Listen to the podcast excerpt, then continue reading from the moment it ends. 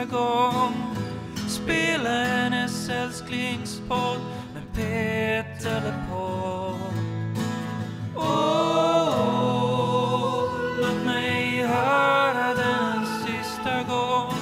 Spela hennes älsklingspodd med Peter LePold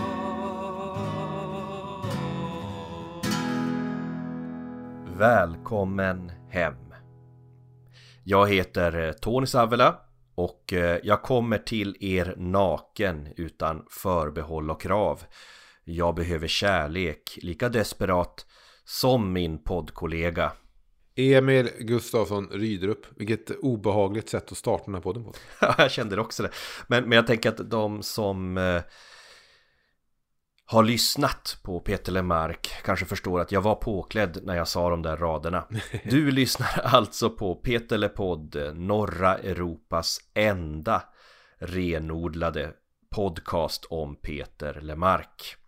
Och det du ska få höra idag är andra delen i den här intervjuserien med Peter. En samling intervjuer som vi kanske med visst övermod och lite skämtsamt valt att kalla för den definitiva intervjun. Vad säger du Emil om den här responsen vi fått på den första delen av den här intervjuserien? Ja, man kan väl använda ordet överväldigande. Det, Det man. eh, det verkar verkligen där ute, jag kan ha fel Tony, rätta mig om jag har fel. Men det verkar ändå som att de som har lyssnat har uppskattat samtalet eh, tills nu. Och jag tror att de kommer uppskatta veckans avsnitt än mer.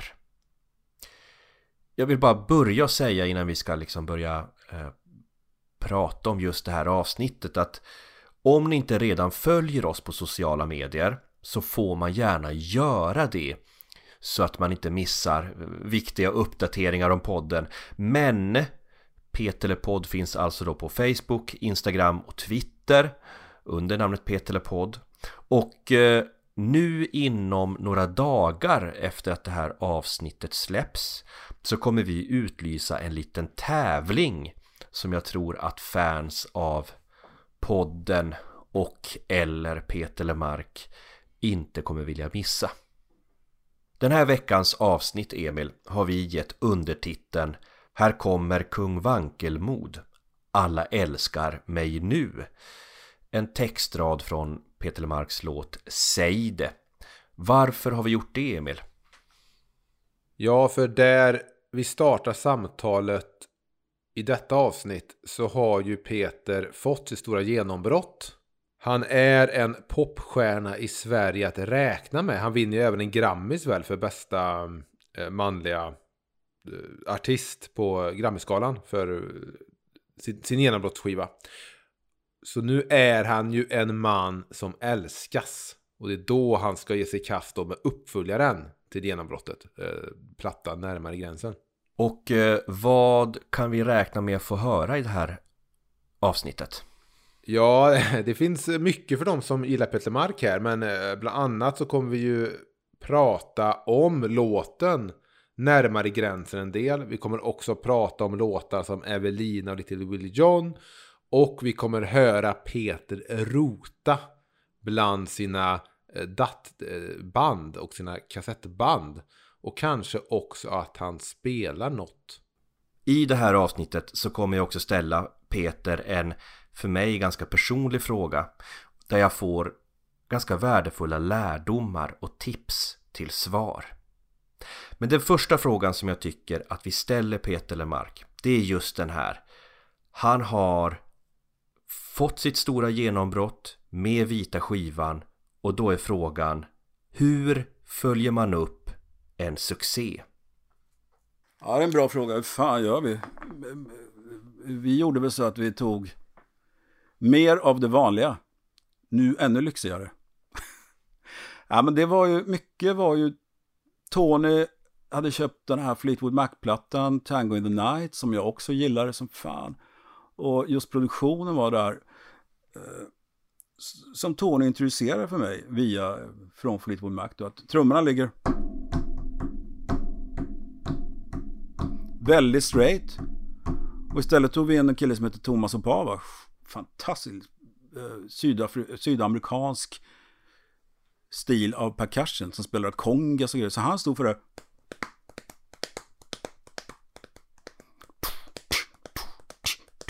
Han stod för det svänget och sådär va. Och det var ju Tonys idé. Och sen gjorde vi som vanligt, spelade in, för det hade ju Tony också introducerat, spela in live. Det vill säga att jag, jag ska inte sjunga om sången sen, utan jag sjunger med bandet. Och det är viktigt för att alla ger ju och tar hela tiden sådär va. Och ett samspel. Och det där med att man ska, ja nu ska vi ha sång, sångpålägg. Åh, då får man ju ont i halsen, vet att nu ska jag sjunga tolv låtar här en dag. Så att, eh, sjöng live med bandet, det blev jätteskönt för hade jag väl sjungit min låt så var det klart liksom. Så här, jag har inte tänkt på det mer.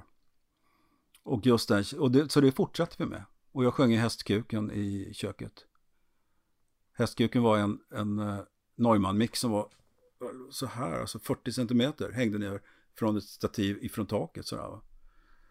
Stereomick. Så att all sång där är inspelad på två kanaler i stereo.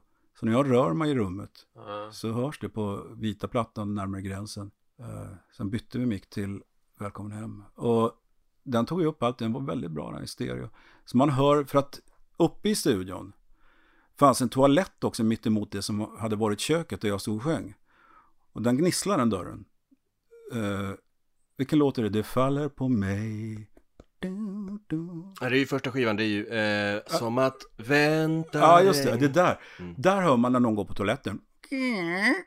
Jag kan höra det tydligt. Jag hör det även i den remasterade versionen. Eller ännu bättre i den remasterade versionen. När någon Jo, men det gör man. Jag vet vilket du det menar. faller på mig.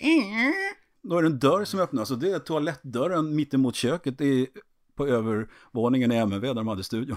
Jag har alltid tänkt, fan vad konstig synt det där är. Ja, det är ingen synt. Det är en toalettdörr. Men hur kändes det? För det här var din sjätte skiva. Men Ja. den första skivan där du inte slår i någon sorts underläge. Ja, det var ju intressant. Och jag minns det där, men jag kände mig ganska trygg, för Tony var så jävla trygg va. Och nu gör vi så här, nu testar vi det här. Och jag hade ju låtar som jag hade spelat upp för honom. Han var alltid, alltså det, Tony i studion, jag vet inte hur det är nu för tiden när man jobbar, men då var han var alltid så jävla peppande och optimistisk. Så man blev sådär, fan. Och så, vi spelar någonting och så lyssnar vi efteråt. Kunde han hålla fram armen så här. Och då var det gåshud så här va. Oh, wow. Är det så bra? Okej. så jag var ganska trygg med att veta att han höll i trådarna, höll i allting där.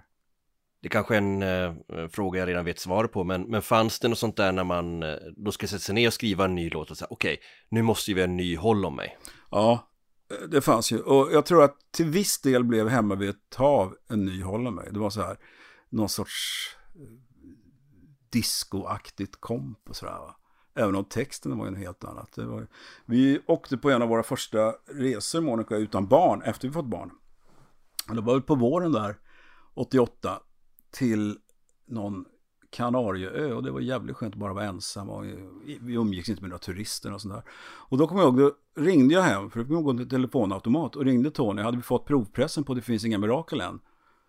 Så jag litade på Tony så mycket så att jag satt inte ens och lyssnade på provpressen. Och han hade fått, ja den låter skitbra, ja okej, bra, då kör vi. Så att då var Det finns inga mirakel på väg ut som första singel. Och då är jag där nere och det är liksom lite grann inspirationen till det här hemma vid ett hav. Atlanten på Kanarieöarna, så, så häftigt är det. Atlanten vid Kanarieöarna. Jag tycker det är en jävligt fin låt. Jag, tycker, jag, jag föredrar ju den framför Håll om mig. Ja, jag, alltså, ja, jag, jag har ingen relation till någon av dem kan jag säga på det Mm. viset. Så. Håller mig ju för att det var, ja, det blev ju som det blev med den allting.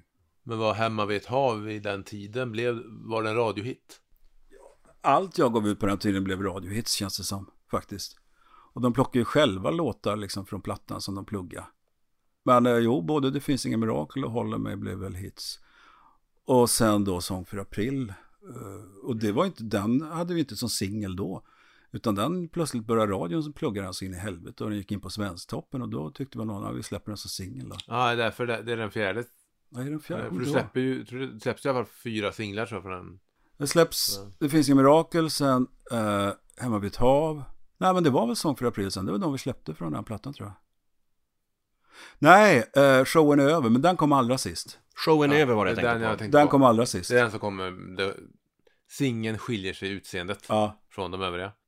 Det här är också första skivan där du började eh, döpa skivan efter titelspåret. Det är nog bara lätt ja. Det är Är nog, det? Ja, men det är nog bara så här. Det är en bra titel, kör det på plattan. Ja, för vi, när vi pratade med David Urwitz. Ja. Han pratade om att eh, du var väldigt så döpt efter... eh, Jo, jo, men, eh, ja, men ja, det, ja, så något ska ju skivan heta liksom sådär. Ja. Och den innan heter bara Peter Lemark, vilket var en bra titel för det känns som en debutplatta. Ja. Och då är det skitbra. Sen måste ju nästa platta inte heta Peter Lemark 2. Eller så här Peter Gabriel, alla heter Peter Gabriel. Men om man exempelvis säger närmare gränser. Vad är närmare gränsen? Varför heter skivan närmare gränsen? Ja, your guess is as good as mine. Jag har ingen aning. Jag kommer inte ihåg vad jag tänkte. Mm. Det är fan länge sedan. Ja. Men du måste väl ändå äh, låta närmare gränsen? Du måste väl Jo, ha jo, någon men det idé är, om vad... jo, men det är så här liksom någon sorts tanke om att eh, föra samman tre olika tidsplan Mm. på en Mm. gång så att säga. Va? Där Mm. jag är nu, där jag var när jag var liten och sen någonstans där mittemellan och sådär. Va? Eh, och så den här eviga grejen med liksom ryggsäcken man ska släppa vidare från liksom ens föräldrar och när ska, när ska kedjan brytas och allt det där. Mycket av sånt där terapi. Eh, saker som kommit fram i terapi. Och jag vet inte vad, vad, vad den där gränsen skulle symbolisera. Det lät väl bra bara. Mm. Jag har ingen aning. Det är ju, eh, eh, jag vet, det är någonting som du också skriver om på, nu kommer jag inte ihåg vilken låt det är på Tunna tråden där du sjunger Jag har alla åldrar inom mig. Ja, precis. Så är det ju. Men alltså det är ju det här med att liksom, det är samma med det här med Peter Lemark som vi pratade om förut. Jag är inte Peter Lemark. Jag är Peter. Oftast i alla situationer. Så för mig är det så väldigt märkligt när folk kommer fram liksom så här och behandlar mig som jag vore någonting Mm. det ena eller det andra. Antingen är det upp eller så är det ner liksom sådär va. Men jag är alltid Peter. En rätt blyg kille från Trollhättan. Mm. Och sen har det hänt en jävla massa efter det liksom så här. Men det, innerst inne är jag alltid Peter. Och också har alla mina åldrar inom mig. Jag kan komma ihåg vad jag kände då, vad jag tyckte och tänkte då och den jag är nu. Alltså det, och det där är så svårt när man snackar om ålder och så här. Då blir man sån här gamling som, ja, ta vara på den här tiden hörru, för den kommer aldrig tillbaka. Och det är sant alltså. Det är sant och det, det,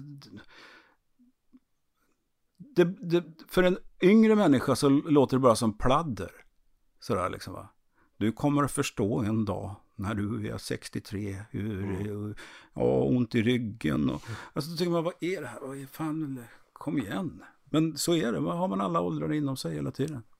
Är, är inte det en styrka när man ska, jag menar, berätta Men alla, för så är det väl för alla, det är väl inte bara jag, det är, alla känner väl att de har alla sina åldrar samtidigt inom sig på något vis. Ja, ja, det skulle jag Nej, det är inte jag så säker på. Jag är Nej. ganska många man pratar med som är så här, det förgångna, det förgångna, nu går vi, nu klickar vi Jo, framåt. men man kan säga saker, men jag tror att ändå man bär det inom sig trots Mm. allt. Man minns hur det var när man var sju, åtta, och man minns Mm. hur det var när man var tonåring och det finns kvar igen på något vis. Så här, va? Det behöver sägas då att man kan ibland måla upp livet som att det är den här långa resan, men egentligen är ju livet ingenting. Nej, Det är ju inte många år egentligen. nej.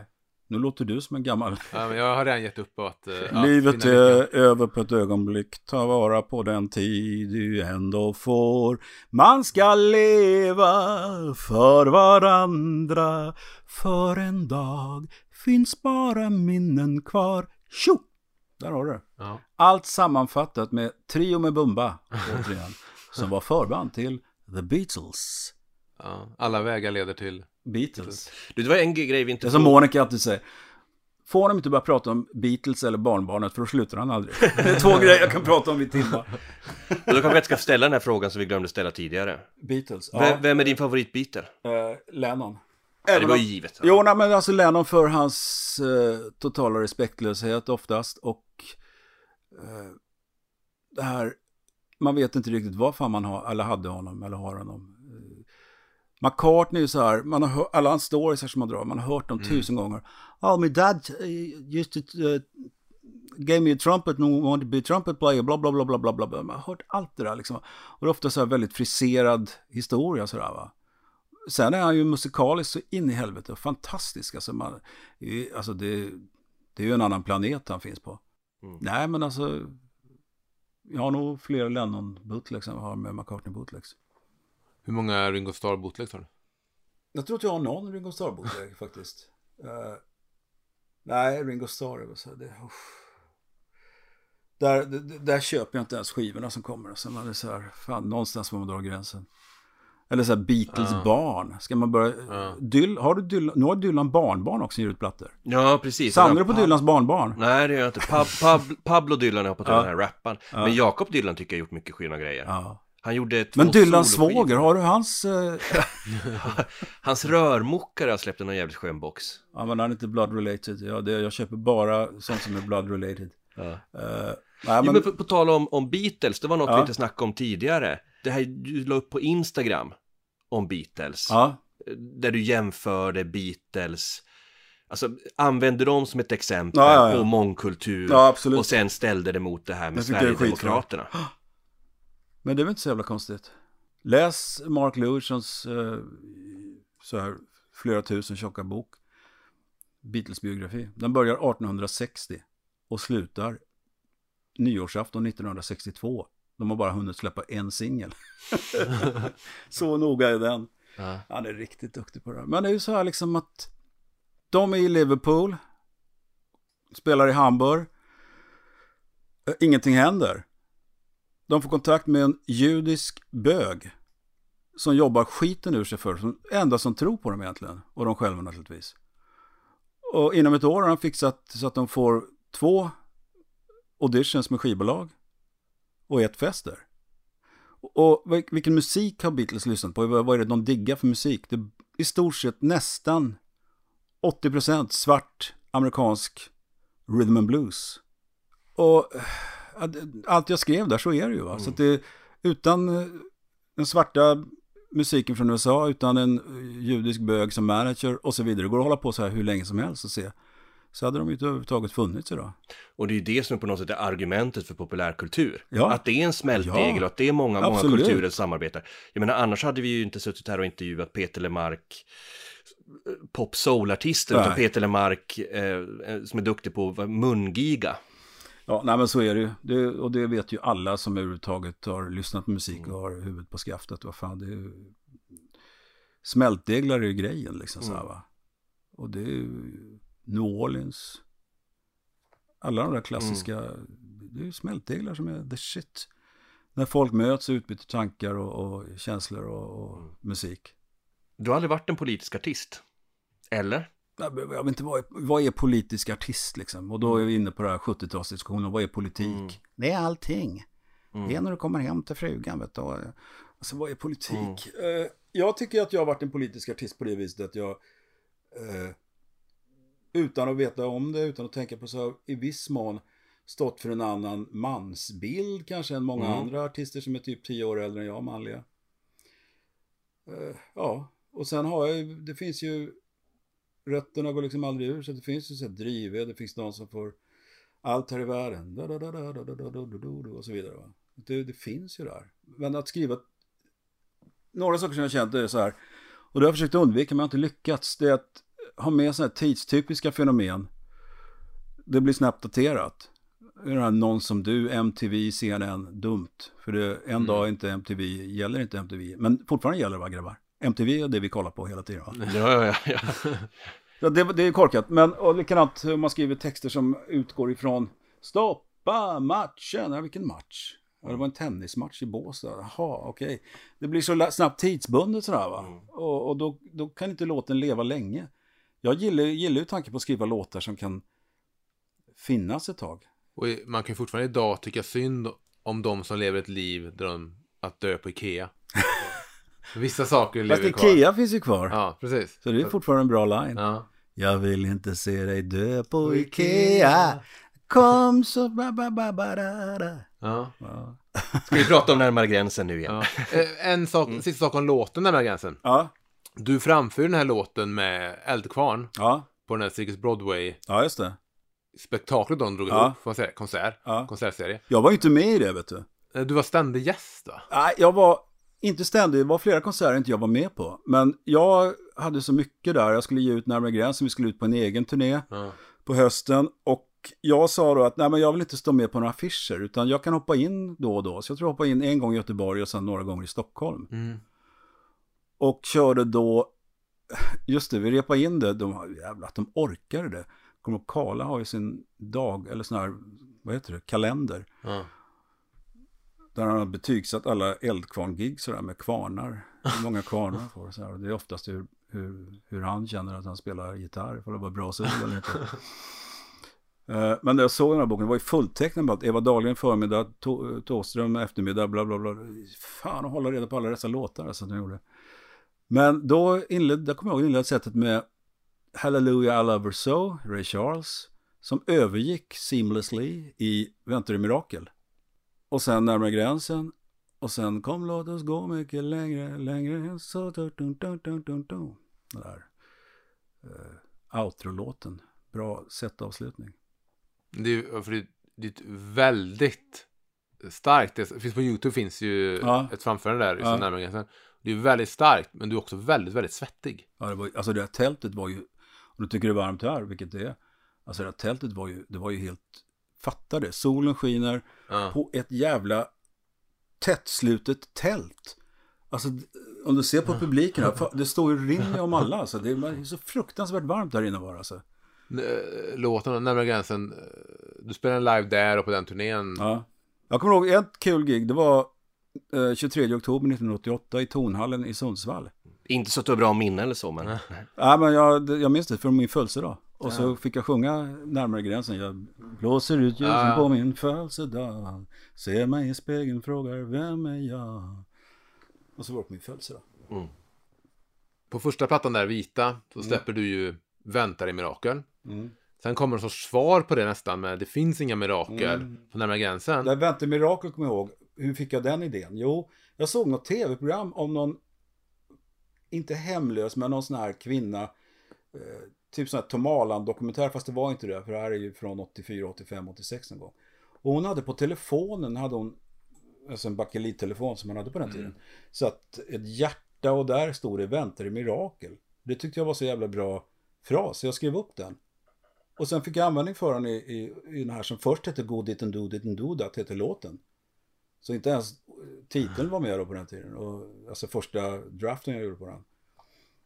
Och så var den, så fanns den där. Och sen tänkte jag, sen, det finns ingen mirakel, det är en helt annan låt. Det var ju liksom, det är mer om det här skippa drömmarna, skip, skippa det här liksom tankarna om tvåsamheten som byggs på som att det ska vara perfekta, romantiska. Det finns inte. Det finns inte det här 100% lycka. Mm. Lycka är ju en känsla bara som dyker upp så här liksom va. Och sen är den borta.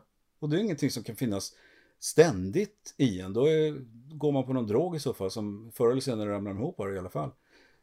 Så att det var det jag vill säga med det. Så de, det är bara samma ord egentligen. De har ju inte med varandra att göra på något vis, de här två låtarna. Nej, men de fungerar lite så att eh, första låten där blir någon sorts naiv syn på den nyförälskelsen. Ja, visst, och det här, visst. allting är mirakel, allting är under, underbart. Då kan man ju säga att det sen- finns inga mirakel en sorts eh, mot den låten. Ja, det där med att det är som en Ja. tes, en antites. Ja.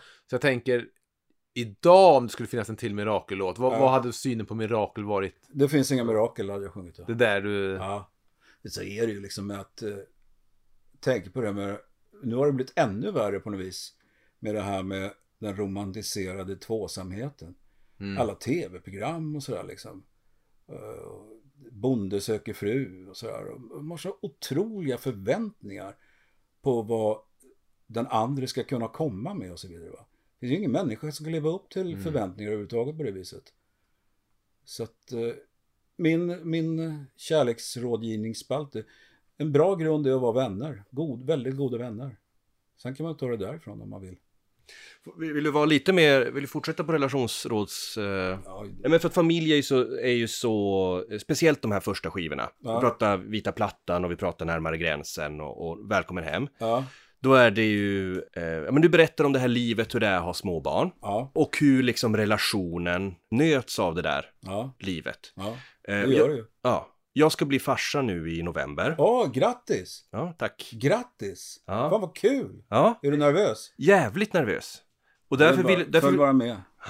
därför jag ju fråga Peter Lemark, hur, hur gör man för att inte liksom, du vet, gå omkring och bråka där över Sempermatar? Ja, men det gör man för att det, alltså det spelar ingen roll. En bra grund är som sagt att vara kompisar, go, väldigt goda vänner från början. Mm. Och sen hålla förutsättningarna ut efter det. Men just när man får barn, det blir ju som ett världskrig inleds. Liksom så här, va? Det, det blir automatiskt så. Va? För att du får inga nätter du kan sova oftast.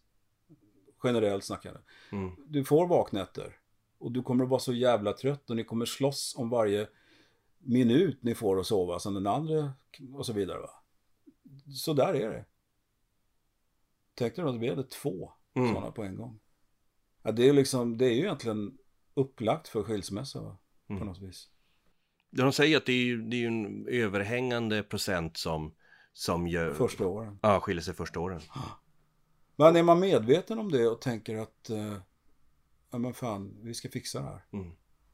Har du några konkreta verktyg eller så här, ek- tips på så här, det här kan man göra för att fixa det? Eller förstår du? Alltså grejer som kan vara bra just när man är, har det där slåss om varje vi börjar bråka om varenda tandskrämstur. Ja men då är det så här att eh, gör eh, scheman. Mm. Du har disken där, du tar hand om det då, du lägger där, du tar... Jävligt rigida scheman, var väldigt rigid sådär. För då finns det ingenting att bråka om liksom. Så här, men det var din... Jag kommer ihåg var det så här, vi skulle se någon film på tv och jag skulle lägga barnen. Och på den tiden var det ju, då var det liksom det som gick, gick. Det fanns inget SVT Play eller video.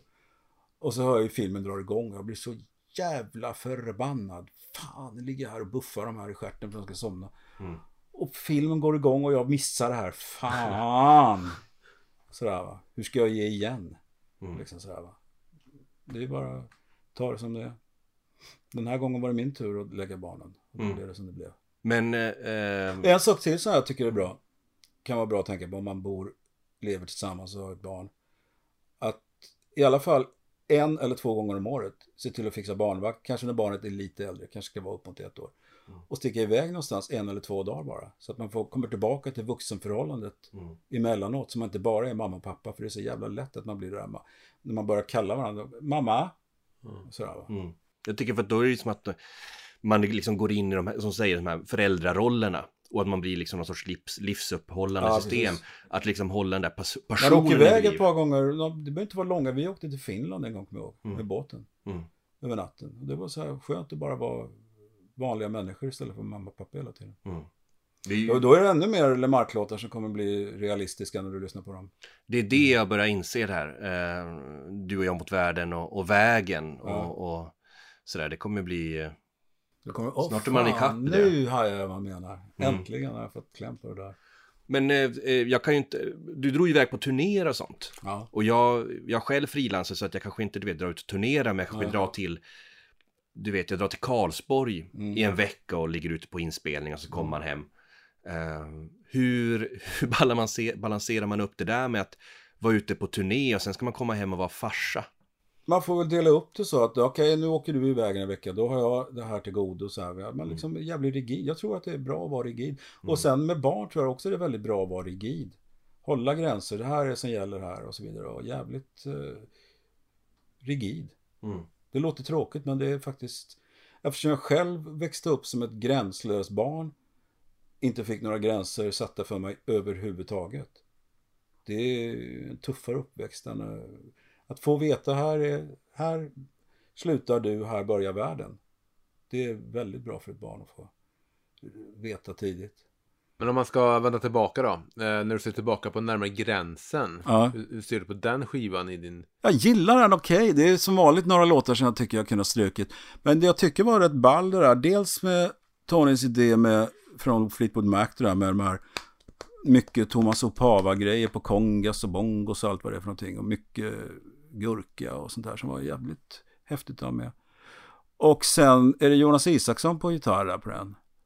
Och eh, mycket så här, han pluggade väl in, det var en akustisk gitarr som han pluggade in, så det blir mycket så här elförstärkt akustisk gitarr på den som jag tycker ger en speciell känsla. Sen blåste han ju mig lite grann där. Som för april hade han ett riff som han ville testa. Ja visst. Ja men fan det funkar ju skitbra den här låten. Kör det. Då hade han kört den några dagar innan med Roxette. Well I'm dressed for success. Nästan samma riff. Ja det funkar. Ja, ja, effektivt jobbat ändå. Ja. Ja, nej, men han var skitbra. Det var, det är ju också Thomas och Pavas, Kongas och, och mycket av det sydamerikanska percussion-svänget plus Jonas Isakssons. Det var ju det som jag tycker skiljer den från plattan innan väldigt mycket. Men det känns ju samtidigt som en fortsättning på vita plattan. Det känns Ja. ju som en tydlig uppföljare. Ja, det, det var det ju också. Mm. Och det är samma med, med typsnitt. Så jag hade ju samma där lyxiga typsnittet. Och jag hade fått på mig en guldklocka och en kofta som kostade flera tusen tror jag. Så det var även tanken när ni satt med Lasse Erman då att vi ska fortsätta. Det här, Ja. det här är samma typsnitt och Så var samma det. typ av foto. Skulle vara lite lyxigare, vara lite dyrare. Dyrt kommer jag ihåg var så här. Ska låta dyrt.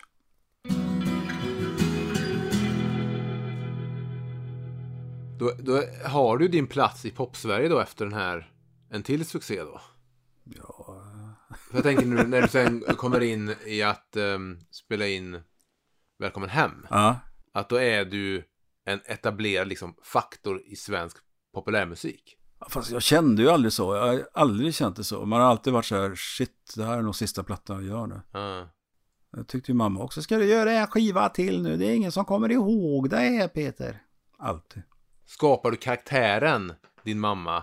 Eller var din mamma så? Hon lät- Absolut Ja, hon var så. Hon var så. Hon var, det, det, jag förstår varför. Hon var orolig. Ja. Skulle jag kunna dra in pengar? Skulle jag kunna försörja min familj? Ja, det är klart så är man ju med sina egna kids nu sådär va. Fan, har du fått in pengar så du har till hyran och lalalala sådär va.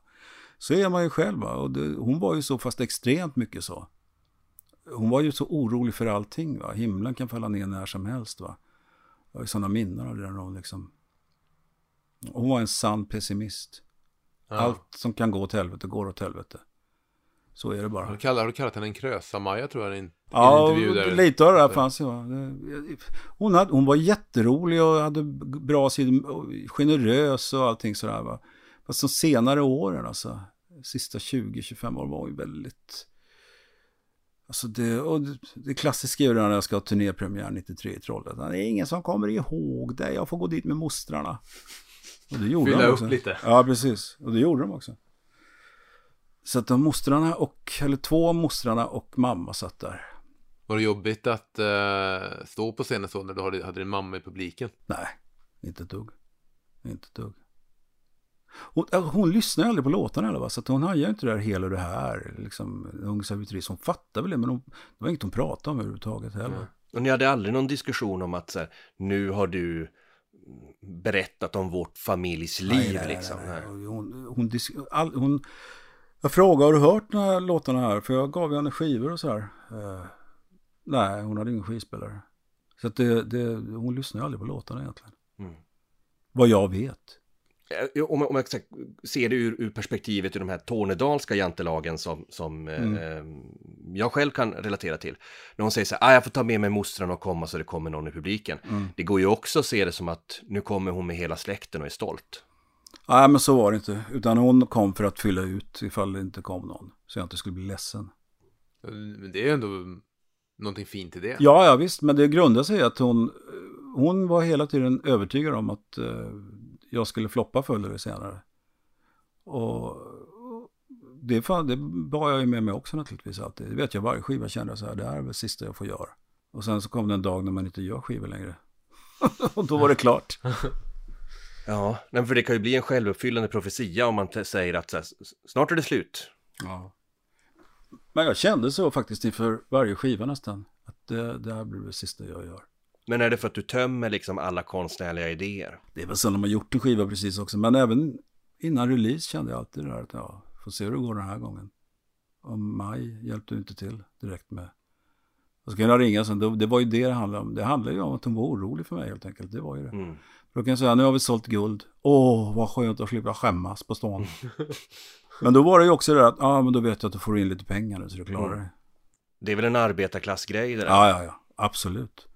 Men också driven in absurdum det här med att eh, vi måste se till att få in pengar.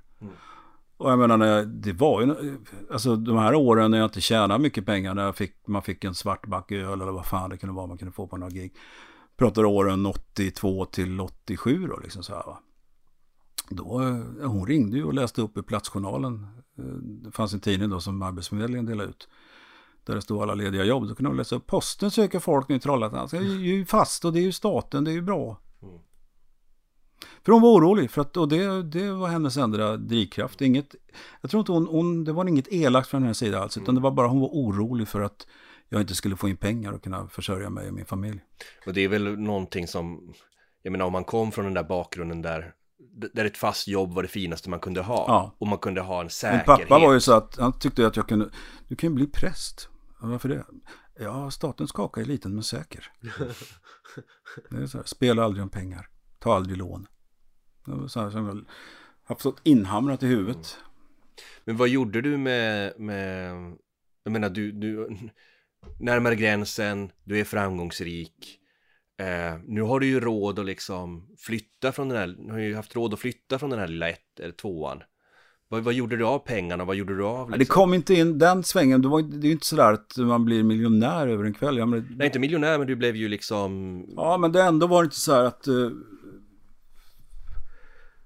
när vi sen flyttade, var det 1990, då kom vi Välkommen hem ut. Och då var det ju inte så här någon stor kåk, det var ju en sån här liten Per Albin eh, sockerlåda, Korpmosevägen.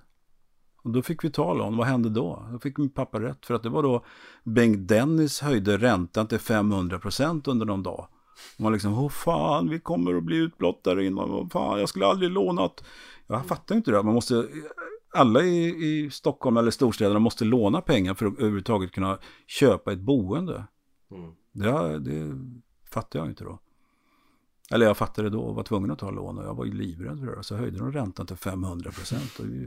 Jag vet, det var ju så här, shit, jag skulle gjort som pappa sa, ta aldrig några lån. Då hade jag inte haft någonstans att bo å andra sidan. Här, när vi, eh, om, om man ser att det är liksom en kurva som Ja. går uppåt, Ja. så känns det som att här, för varje år och för varje skiva, Ja. så blir, vad ska jag säga, framgången och... Fast jag kände ju aldrig så med framgången sådär. Utan jag var ju, det är som jag berättade där, men det finns inget bättre. Jag skulle kommit på våren 93. Mm. Och det var vår plan. Och, och sen så får de akuta likvida medel på MMV. Så Jonas säger vi ger ut den i, som... Och då var vi inne i fan slutet på oktober. Mm. Vi ger ut den som, december, som julrelease. Men vad fan, vi måste ju ha lite lead time på den här plattan. Det går ju inte att släppa den sådär. Jo då. Allt det där liksom. Och jag var så här, fan, det här kommer ju aldrig... Turnén är ju till våren, det är då vi ska plugga plattan. Och jag kommer ihåg den, jag kommer ihåg vad jag var och alltihopa. För jag var så här, det kommer aldrig gå, kommer aldrig gå. Nu blir det floppen bara fram, bestämde den jävla Jonas bestämde vi skulle ut där i jul. Jag hade liksom inte haft, så det var ut på att göra promotion där plötsligt, hastigt och lustigt. Mm. Och sen kommer jag ihåg, det var det dagen innan julafton, då ringde det till, då bodde vi i den där sockerlådan i, i, på Korpmansvägen och då var jag i källarvåningen, där jag hade liksom mina grejer. Då ringde telefonen och då var det distributionen. Bara säga god jul att vi har sålt 50 000 nu. Ah, gud vad skönt, tack. Och då var det guld, på den tiden var guldskiva 50 000. Och då var det så här, wow, då är vi i hamn. Men även kreativt så känns det ju som ehm, att kurvan går uppåt. Alltså, eh, Men du, det tror jag har att göra med att eh, när man är inne i något sånt här flow, eller vad vi ska kalla det för, och vet att okej, det där kan jag göra och det kan jag också göra, så där kan jag och så här. Och det finns inga begränsningar på något vis va? Det är som Beatles, återigen Beatles, Beatles, Beatles, Beatles. Få, fyra grabbar från Liverpool. Eh, alltså, de gör den här Please Please Me-plattan på en dag och sen, with, sen så Hard Day's Night, men alla egna låtar bara. Och det är liksom, de växte med uppgiften på något vis. Så jag tror, jag gjorde det också. Jag växte med uppgiften. Nu blir det större publik och fan, då kan vi göra så. Vi skulle kunna ha stråkar med den här gången. Ja, fan gör vi då? Ah. Så man växer med det där på något vis hela tiden. när verktygslådan blir större. Ja, och ekonomin också naturligtvis. Mm. Från att ha suttit liksom och, och haft syntblås så vet vi att nej, men nu kan vi ta ut, om vi vill ha blås så tar vi ut eh, sådana som spelar blåsinstrument. Inte någon jävla... Men känner man också att man blir sådär, åh, nu skulle jag vilja skriva den här sortens låt. Nu Ja. har jag kunskapen till att göra det. Ja, kunskapen hade jag nog haft hela tiden, men det är, jag vet inte hur mycket musikal, ja det är väl en del som förändras naturligtvis. Men det är också så här, man växer med uppgiften. Och ja, man lär sig också. Välkommen hem, då vet jag, då hade vi Tobbe Hedberg som spelade klaviatur och var med som tekniker också. Han sjöng i någon kör som heter Sollentuna Gospel. Jag tänkte, ja, jag vill ha gospelkör på den här plattan, för det hade jag tänkt från början. Men vad hittar man en svart gospelkör eller en amerikansk gospelkör? Ja, Sollentuna Gospel. Men de, de kom ju ut då, vad det var. På credits där på plattan stod det så här. Jag har inte räknat men det är säkert 30 pers eller sådär va. Eller 20 i alla fall. Som stod där med stereomickar uppställda och sjöng det här. Allt, allt, allt är över nu. Mm. Och det är inte så jävla mycket gospel över det. Men då vet jag att, jag tror då Anna-Lotta kom ut och sjöng också. Och då fattade jag, aha, för hon sa också, men det blir mycket mer gospel om man bara är tre kring en mick och sen dubbar det. Ja, ja, just det. Så lärde man sig något nytt. Mm. Vill du ha bra gospelkör ska du inte ta ut 30 vita snubbar från Sollentuna. Utan låt tre stycken stå kring en mick och dubba det. Blir mycket mer gospelfeeling på det. Så de flesta av de där Sollentuna gospel, eller alla av dem, är dubbade sen. Anna-Lotta, mm. jag tror Jessica Wimert kom in och dubbade också. Så att det blir mycket mer nära och mer, och, vet en kör på, med rumsmick ganska långt bort, det blir inget drag i det liksom så här, va? Och det var sådär lite, du vet, tröjor med, med krokodil på och sådär, och lite mm. välkammat och alltihopa. Det var inte riktigt vad jag var ute efter. På den skivan var det ju väldigt mycket mer eh, man känner ju där gospeln och soulen och... Ja, varför spelade vi med så mycket syntar kan man ju fråga sig då. Ja. Och varför hade vi med oss en skiva med Pet Shop Boys som någon sorts här, så här kan det låta också så skulle man lyssna efter frekvenser och grejer. It's a sin tror jag var en hit och kan, kan ha varit så. Det får ni kolla upp. Det är därför den kanske, den skivan var ju den som var mest i behov av renovation när jag gjorde 17 sånger. Exakt. Det, är bra låtar men oh, det blir så jävla tidsbundet med och sen, kommer det, sen går ju tiden, så kommer det en ny generation som fan, de här syntarna mm. jag hade på 90-talet är så jävla balla alltså. Mm. Jaha, okej. Okay. Jag tycker inte det. När, när vi lyssnade på Välkommen Hem och snackade om den och man läser allt där du har dissat den. Ja. Det låter ju lite fräckt, det låter ju lite coolt. Ja. Visst, jo, jo, jo, men det, det är sådär att allting går ju i cirklar på något vis va. Eller var det Peps, salig Peps sa att eh, en klocka som står still går rätt två gånger om dygnet. Mm. Och så är det ju. Eh, och sen kommer en, en, en eh, ny kull ungar som tycker att det där gamla syntar från 80-talet, det är fan, det är the bees knees. Det vill vi höra. Det blir ju också så tack vare 17 sånger och diskussionen där och mellan dig och mig och det här att det ger ju en bild av Välkommen Hem som att eh, du ser det som ett stort ett misslyckande på ett sätt, att det inte har hållit då, eller att ni, eh, ni förstörde skivan lite och det blir lite tråkigt när den ändå, ändå har väldigt starka låtar. Ja, jag håller med, jag håller med. Men så tycker jag. Jag tycker att vi gick fel där i hela syntdjungeln och, mm. och trummaskiner och allt vad det var. Och trummorna är ju faktiskt omlog, omlagda på Välkommen hem-plattan. Och varför vet jag inte, men det gjorde så. Jag har ju originalinspelningarna kvar. Det är skitbra lirat. Men det var att det skulle funka med det här triggade. Man hade velat höra en uh, Välkommen hem Ja, Naked. Den, ja, jag ska se om jag har den. Jag vet. Jag ska se. Då får vi leta i lådorna. Marmordemos. Outtakes från Marmor. Det var inte därför du är här. Nej. Fan är det enda. Ja, här är det skiten. det här är alltså som det lät innan vi gjorde Innan larvfötterna. Ja. Det här är bandet bara när vi lirar. Sen några är väl med. Just det, Välkommen hem gjordes i massa olika tonarter. Den sjöng jag om. Ja, du, du har ju sagt att Välkommen hem var ett problembarn.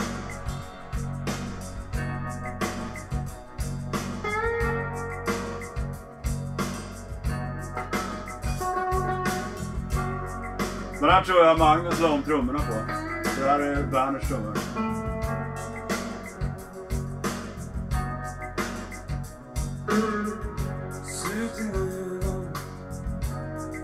Det är inte dåligt.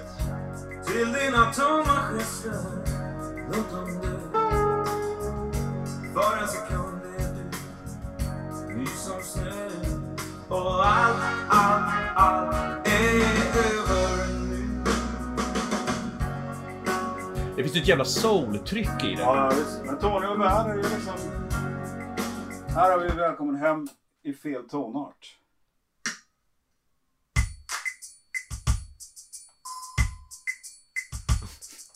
Fråga inte.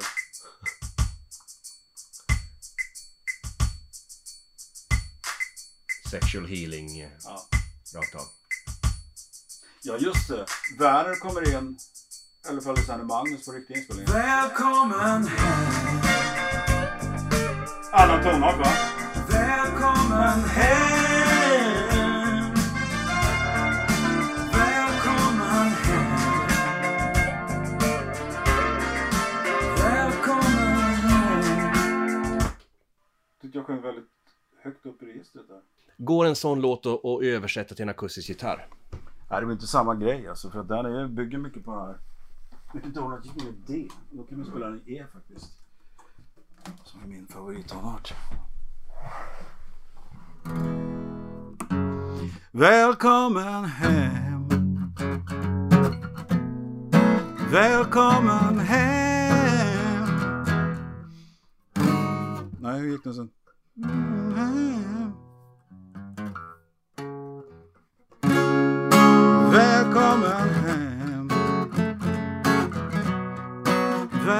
Välkommen hem Bom, bom. Äh, Funkar inte med akustisk gitarr.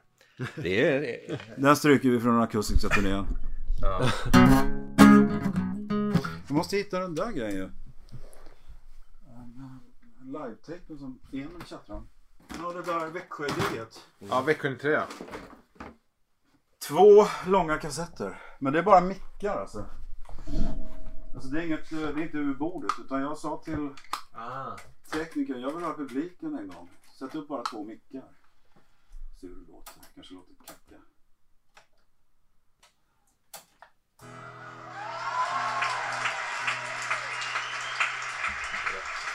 Det här är en stor stund.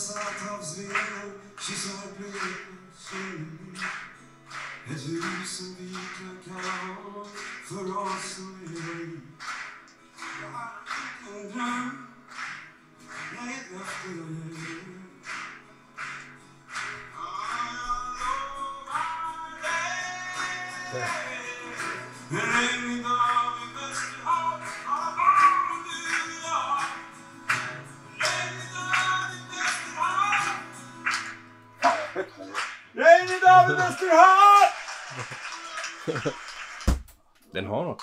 Ja, den, att, att du går högt i refrängen där är ju en stor del av låten. Ja, Ihop med kören. på- den går ju i alltså. En regnig dag vid Västerhav Bara barnen, du och jag Still got it ja, Där är alla liveband Eh, om man får prata en låt på Välkommen Hem, som vi då har snackat mycket om och som har betytt mycket för många människor. Ja. Det är ju vaggsång klockan Ja. fyra. Vad, Ja vad betyder den låten för dig idag? Nej, jag tycker det är en bra låt. Alltså, jag kan ju inte sitta och... Jag, jag, jag har ingen så här att... Åh, minnen till när Nej. du och jag dansade första gången. Och sånt där. Det är Mm. mina låtar. Det är liksom jag, Mm. jag vet den finns där. Jag har skrivit den. Mm. Det vet jag. Ja, men den bottnar ju i hela det här. Eh, jag, jag tror den skrev jag faktiskt i Jo. De åkte iväg, Monica och ungarna åkte iväg och handlade och så skrev jag den fort som fan där. Mm. Det är nog det enda jag skrivit där. Eh, och det var ju den här känslan av ha ett ställe där man kan andas ut och där man inte... Ja. Men det känns som att den med tiden sen har fått liksom någon utökad betydelse. Jag tänker på det du... Du spelade den på Lennart Perssons begravning. ja. Och du har spelat den på andra begravningar. ja tre stycken har jag spelat den på. Ja. Är det en låt... Enda begravningen jag har spelat på. Ja. Ja, men den är lätt att komma ihåg. Och... Ja, jag vet inte. Den Mm. passar på begravning kanske. Mm. När de lägger ner mig. Ja. Den låter gärna för lira för oss sen om du vill. ja, fast den har svårt att leda. Den är ju pianolåt va? Ja. Grejen är ju det att jag skriver ju inte... De, alltså det är 50-50 nästan vad jag skriver på gitarr och på piano och sådär va. De som skriver på gitarr, det har man ganska direkt. Så Little Willie John, ja, men det är min stämning på gitarren och så att det blir den här konstiga klangen när jag tar. Eh, Men sen, sista skivan jag gjorde, Tunna det är bara skrivet på piano. Eller på klaviatur, eftersom jag äger inget piano. Jag har min tramporgel i och för sig. Vad gör det med en låt när man gör den på piano? Det är ju helt, helt, annat, helt annat sätt att närma sig låten på något vis. Va? För det första är jag ju tämligen begränsad gitarrist. Så att jag kan ju inte göra några riff och sådär egentligen. Som, jag har gjort några, Ringer dina klockor, det riffet tittar jag på. Och Lyckliga ögon, några till. Men det är alltså, jag är ingen bra gitarrist, så jag kan ju inte göra riff på det viset. Så att det blir ju återkommande ackord oftast när jag spelar gitarr och skriver låtar på gitarr. Men eh, piano, men då, det är mycket, jag har, det blir helt andra låtar, helt andra låtar. Mm. Jag kan göra modulationer och sånt där som jag inte kan, som starkare än ord. Mycket starkare än ord, modulation, ah, byter tonart där va. Det är bra, sånt, får man lära sig nu när man är när man inte kan så mycket om musik. Så, men det är roligt när man tittar igenom sina frågor, man så här, det står här, här börjar ju hattepoken. Ja, gör den det? Är det inte det 90, 90 kring där? Ja, på scen hade jag hatt då, men inte i... Ja, du körde hatten med fjädern va? Ja, det var så att Dylan skulle vara Ja. Thunder, Rolling Thunder Review-hatt. Ja, det var någon blomma jag satt i tror jag. Ja. Här skulle vara. Ja. Uh, har väl haft, haft hatt lite till och från sådär, men inte på offentligt så. Ja, det var det turnén hade jag hatt på hela 90-turnén. Och sen 91, ja, men då hade jag köpt den där uh, gråa hatten. Hade de andra också tror jag. Och då hade jag det på skivomslaget, då var jag tvungen att ha det på alla promotion-grejer och allt sånt där. Så ett igenkännbart uttryck på något vis. Här. Mm. Och sen, det finns inget bättre med den där svarta gondoljärhatten. Och kom sen bok med blanka sidor och då var det den där tillknöcklade hatten som Denise Grünsteins snubbe hade med sig. Så jag köpte sen då och gav till Elin. Eh, ja, det väl det som har varit. Kände du själv att liksom det blev en, en, en, del, som en person att du aktivt liksom höll kvar eller, eller tyckte du bara om att bära hatt? Nej, fan jag är flintskallig då, då kan det vara... Då funkar det med, inte bara för att dölja flinten utan man får ju liksom någonting, när man har hår så kan man liksom vifta med håret Mm. och sådär. Det, då får man ju den eh, approachen med, eh, med hatt. Det var det jag tyckte. Nu har jag aldrig hatt numera. Om inte soligt jag får ha för att skydda flinten. Mm. Det skillnad. Berättade jag det när jag var inne i hattbaren på Götgatan. På långt Nej. senare, det var 2000-talet var jag inne i hattbaren. Eh, det ligger den där stora, eller stora, men en klassisk hattbutik i, alldeles i foten av eh, Götgatan när man kommer från Medborgarplatsen. Och där hade jag köpt alla jävla hattar en gång i tiden. Så var jag inne och tittade där. Så kollade jag runt och så här. Hittade en sån här, ungefär som jag hade på Det finns inget bättre, hade de där. Och så tittade jag, då kom det fram en, då var det, var det en ny, jag vet inte om det var några hade tagit över, men det var en snubbe jag inte kände igen som kom fram. Ja, den där är en fin hatt. Ja, så. Ja, det är en gondoljärhatt. Det är en sån som Peter Lemark brukar använda om du har sett det. Jaha, så. Okej. Ja, nej, tack. Men vad, vad var tanken på det här på Välkommen Hem-turnén?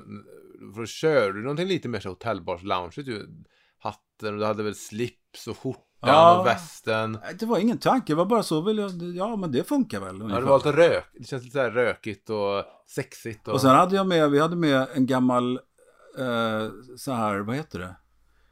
Som man hänger upp kläder på. Herrgårdsbetjänt, vad heter det? Herrbetjänt? Ja, alltså, ja, det var ju en vanlig Ikea. Så där hade jag hängt upp hatten och, och hängde upp västen när det blev svettigt. Och kunde hänga av, ta av slipsen och sådär, för det var vi tvungna att göra, för det var ju så jävla varmt annars. Och sen på 2007-årsturnén, då hade vi vår gamla Chesterfield-fåtölj som vi hade köpt 1980 i Göteborg. Hade hållit fram tills dess. Fick den hänga med en sista resa? Ja, det var ju så en sista resa. Och det var rätt schysst, för det är det där liksom, vad gör man som ledsångare när det är solo? ja, Ska ja. man stå och låtsas digga så här? Mm. Nej, då gjorde jag så att jag satte mig i fåtöljen. Har det någonsin varit eh, live för dig? Har det någonsin varit så här sur stämning på scenen? Alltså att eh, o, bandmedlemmar som varit ovänner eller du som varit sur på någon och att det har påverkat? Nej, inte, inte sen efter så här, inte efter 87 liksom så har det varit. Det var de här tidiga Peter Lamarck och Big Fun eller vad det var. Jag måste ha varit 84 för jag var Nej, det var, ja, det var 84. För det var, det var så här att jag blev så jävla sur. Mats Åke kunde bli packad innan gig och jag var så fan, det, det är oschysst mot de som har pröjsat, vi ska fan göra det här bra. Så, här, va? så när vi spelade i Skövde en gång, på något som heter Dans med balans, det måste varit 84, så var det, det var så här nykterhetsrörelsen hade ett gig. Men jag satt i logen och, och knäckte en 75, eller en 37 Explorer med päronsoda. Så nu ska jag fan ge igen. Fast det var ju, det var, det var så här 14 personer. Några tonåringar som stod liksom och tittade. Som vanligt på de där giggen, tidiga giggen.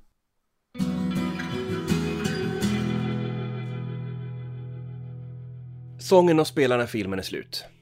Jag eh, gjorde ju, har ju en tes där va, eller Mm. man hade någon känsla av att här föll allting på plats till slut. Alltså det kan inte- ja, det är sån känsla infann sig ute då. Vi tyckte ju, det tyckte ju efter varje skiva, nu det här är, fan, det här är bästa jag har gjort.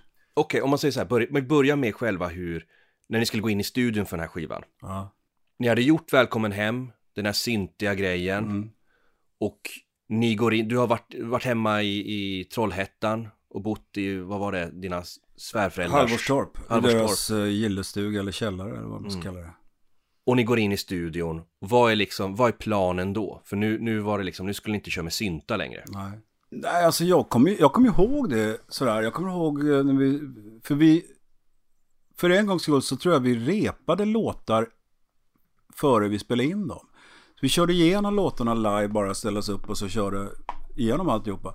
Jag kommer ihåg att det var en diskussion där jag ville att Claes von Heine skulle spela elpiano. Och det tyckte inte han var ett riktigt instrument, sa han. Så det, och då kom jag ihåg att det jag tog med mig var en massa sådana här låtar, Philly Soul-låtar inspelade på Philadelphia International Records. För att han skulle få höra vad elpianot gjorde. Alltså då pratade vi ett elpiano som en Wurlitzer. Lite distad Wurlitzer. Eller som vi sa, distad Wurre. Och eh, eh, till slut lyckades vi övertyga honom att det faktiskt var ett riktigt instrument. Och det, för det var mycket elpiano, mycket Wurlitzer elpiano på den plattan. Så det var mycket mer soul, soulaktigt i pianoavdelningen i alla fall. Och jag, jag minns det när vi står där i studion, kommer jag ihåg. I kontrollrummet. Jag tror jag har någon tejp också från när vi repar och det tjafsas om det där. Och eh, det var inte med nu ska jag göra en skiva och så hade jag en massa låtar och jag tyckte väl det var bra låtar. Det jag minns var ju en grej så här. Eh, I först, vi spelade alltid in, ofta spelade vi in i två avdelningar eller två sektioner. Eh, började med ett pass och då kunde man liksom känna, ja vi är på väg åt det här hållet, så här kommer låtarna bli och så kommer det funka. Eh, för att i andra passet kunna liksom styra kosan dit mer så att säga. Och det här första passet då spelar vi in Little William och då har jag ett minne innan vi går in i studion. Då åker jag med Tony Holgersson i hans bil. Vi skulle ut till Vaxholm av någon anledning jag inte vet varför. Antagligen bara skulle vi hänga där, ta en öl på hotellet eller något sånt där.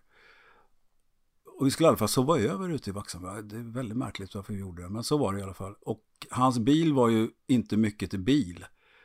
Eh, Jag minns att när jag tittade ner på golvet i passagerarsätet så såg jag asfalten vi körde förbi.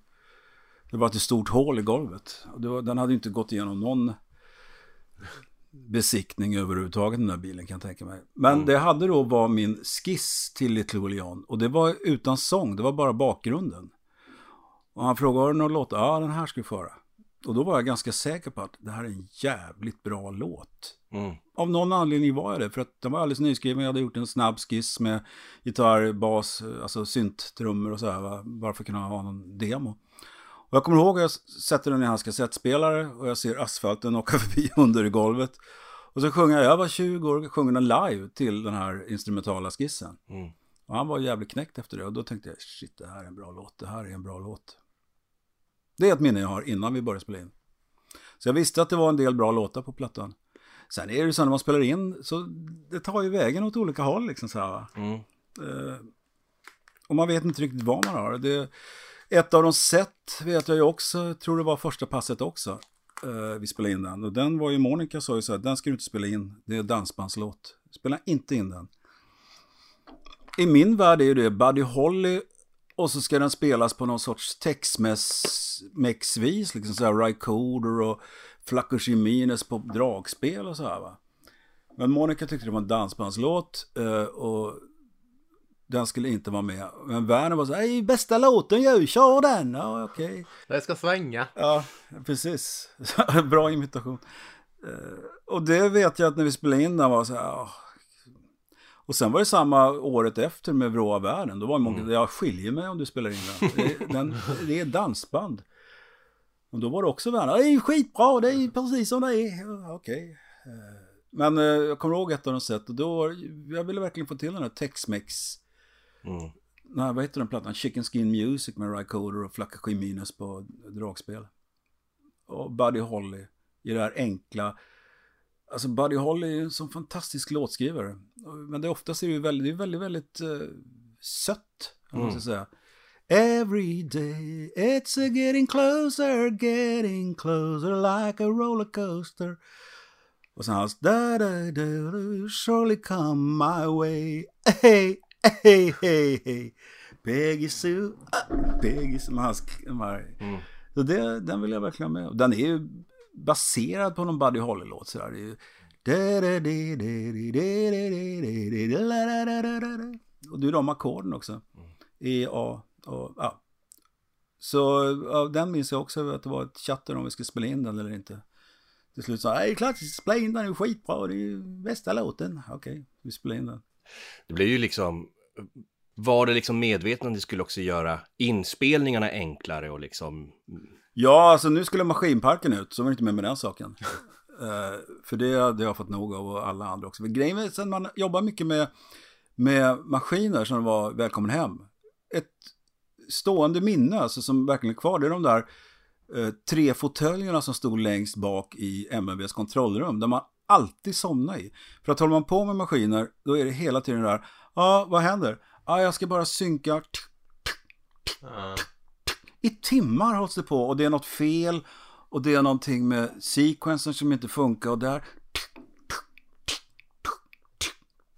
Och sitter du längst bak i studion och jobbat en, hel, en halv dag i alla fall. Och hör det, så bara, många av mina bästa sömnlurar har jag haft där liggande i MNVs fåtöljer längst bak i kontrollrummet. Just det där att det tog sån tid att hålla på. Alltså maskinerna ska göra allt enklare, att det går fortare. Det är tvärtom, mm. var det då i alla fall. Tog mycket, mycket längre tid. Det var så här väntepauser på timmar så här va. Men lirar man ut band så är bara alla klara, okej, okay, då kör vi. Och det var den tanken med den här plattan, att eh, vi skulle ha ett vurligt serialpiano som Claes van Heyen inte ansåg var ett riktigt instrument, men fick ge sig. Och eh, ja, så körde vi på det. Um, det kanske sägs i boken, men vad var anledningen till att du sökte till Trollhättan för att skriva låtar den här gången? I och med att vi hade två små barn. Mm. De blev ju äldre hela tiden, men de var fortfarande hyfsat små här, 91. Fyra-femårsåldern, sexårsåldern. Så var jag tvungen att vara någonstans där jag kunde sitta i fred. Inte bli störd, utan om jag kommer in i en låt och kupan är runt om mig och då är jag inne i det landskapet. Och bryter man det så är det skitsvårt att komma tillbaka. Vad var det jag tänkte? Vad var det känslan var? Jag kommer inte ihåg någonting. Så är allting borta så här liksom. Så att jag, av den anledningen var jag tvungen att åka iväg någonstans. Eh, välkommen hem åkte jag iväg till eh, min kompis Maurits lägenhet i Göteborg och började skriva. Så jag liksom kom igång, hade en fyra, fem låtar i alla fall. När, vi skulle, när jag sen satt igång. Har man väl kommit igång, eller har jag väl kommit igång, så är det ganska, går det ganska bra sen att fortsätta var som helst och skriva låtar. När du väl har skrivit kanske tre låtar, börjar du då få en bild av vad skivan är? Nej, inte direkt då. Det, det var ju samma med Närmare gränsen. Då åkte jag till Tobbes lägenhet. Han hade en, en liten etta på Dr. Abelinsgatan, helt bortglömd liten tarmgata på Söder. Rosenlundsgatan där. Uh, och uh, cyklade jag dit varje morgon med en liten lunchbox. Och så hade Tobbe piano där naturligtvis. Så då kan jag skriva låtarna där. Det finns ingen mm. mirakel, jag har ett klart minne. Jag sitter och försöker skriva My name is Luca, som var jättehit. Och, och hade de ackorden och så du, da, da, da, da, da, da, bytte melodi och så blev det Det finns ingen mirakel. Och Välkommen hem-plattan, då satt jag i Mauris lägenhet och skrev. Och eh, sången och spelade, jag var tvungen att åka någonstans. Sen hade jag ju råd att ta in på hotell nästa platta. Men här hade jag fortfarande så nej fan det kostar för mycket. Så då fick jag sitta hemma hos Monikas föräldrar i källaren i Halsvorstorp. Det var ju perfekt, jag satt helt ostörd, de störde mig inte överhuvudtaget. När jag kom upp så hade Monikas mamma lagat jättegod käk. eh, lulepalt och sådär som jag älskar. Så det var ju, det var ju ashäftigt att kunna sitta där. Och så kunde jag ge mig ut på promena, promenixer på kvällarna eller låna bilen och sticka iväg någonstans och kolla. Så det var ju, det var ju väldigt bra att sitta där och skriva. Och det var enda anledningen, komma iväg och få vara i fred och inte bli störd av barn hela tiden. Så det var på något sätt en lycklig olyckshändelse att, att det just blev Trollhättan och att Ja, alltså var ska jag sitta så funderar man så här, är det någon som har någon lägenhet eller någon som har någon kontorslokal där kan vara så, nej men mamma och pappa som Monica, ja, ja visst, där kan vi vara. Och så vidare. Jag, jag, jag är lite eh, lycklig här över att Palt har byggt sången de spelar. Ja. Ja, den låten skrev jag inte där i och för sig. Men Nej. eh, de flesta andra låtarna, den tror jag kom ganska sent in i handlingen, sången de spelar, själva låten. För det vet jag att jag var, just det, det var Tony Holgersson, återigen, jag hängde mycket där med honom, hemma hos mig och då lyssnade vi på de där inspelningarna vi gjort i första passet. Och så visade jag honom så här, ungefär som jag visar er här, textpärmen, då finns det ju massa titlar, och då var jag en, det där är en kanontitel tyckte han, sången de spelar när filmen är slut. Ja, det visste jag, det är en bra titel, vad fan ska den handla om? Och det är ju några låtar på den här skivan som känns som att det är de här, det vi pratade om tidigare, de här episka novellerna. Ja. Du har Fast alltså när den- recensionerna kom sen så var det en, en påse blandat. Det var några treor, några fyror och någon femma sådär va. Det var ingen, jo en råsågning, det var ju han som ni har pratat med. Ja. Jeppson. Ja. låt oss återvända till honom eh, här sen. Nej men alltså det var ju inte sådär som att någon, sånt där har kommit sen. Och det är också det här när jag tänkte på det här med hits. Det sa jag ju till eh, Magnus Brohn också med hitten Little William. Det var aldrig någon hit. Det var ingen hit. Den var en, en flopp. Och det är sådär folk snackar om uh, Lemar-klassiker. Åh, Vaggsson klockan fyra. så- Åh, drivved. Det, var, det var ingen som snackade om det då på det viset. Jo, men det det är väl skillnad på en, Men det har kommit en med tiden. och en kommit, låt som lever kvar. Ja, men det har kommit med tiden. De har fått liksom växa till sig de där låtarna. Och så är det, jag menar, drivet, var väl ingen som snackade om då? Nej, men, men idag snackar väl ändå folk mer om drivet än, till exempel Håll om mig. Ja, ja visst, absolut. hit. Det är som att vissa låtar har behövt ligga till sig och, och som ett uh, vin på något vis. Ja, visst, och växa och bli någon sorts Ja. evergreen. Så det är vissa låtar som jag, då var det ingen som brydde sig om drivved eller vissa andra låtar så här. Utan det var ju sången och spelaren naturligtvis för det var en singel, Little Will John, sen eh, blev det mer och mer. Och ett av de sett låg på Svensktoppen i 140 000 veckor. Och då sa jag till Monica, jag pröjsar vårt garage.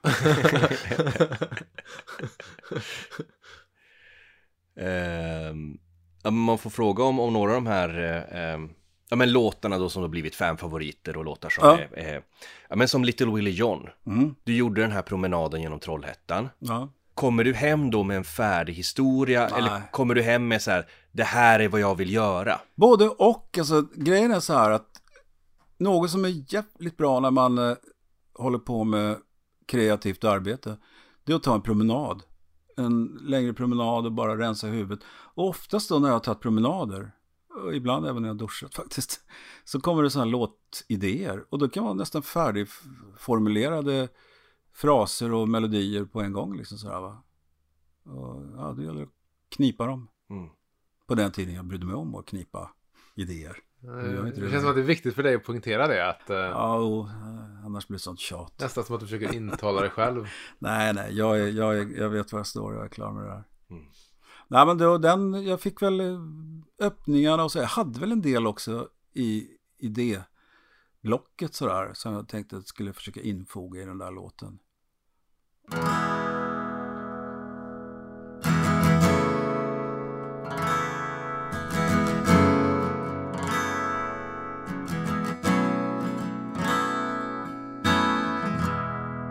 var 20 år gammal hon var en evighet.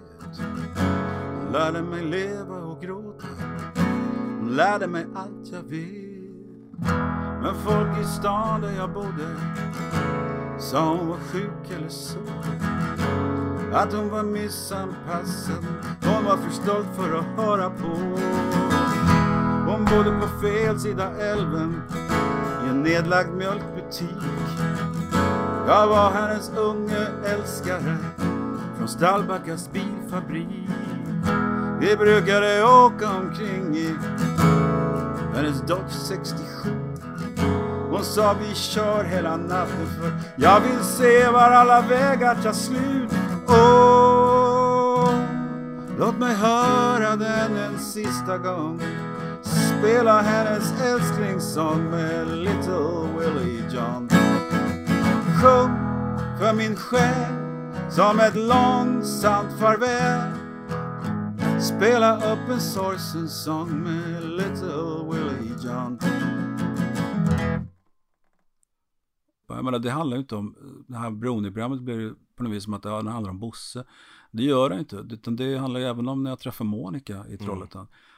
Hon är ju det liksom kvinnan, mycket, mycket mer av kvinnan i texten. Bosse stod för det här, har du läst de här böckerna, har du, har du hört de här plattorna och liksom allt den här vuxenutbildningen. Eller vuxenblivandet. Det är ju en Coming of Age-låt egentligen. Mm. Det är på så sätt så är det ju en film på något sätt. Ja, Alltså som du säger, en coming of age.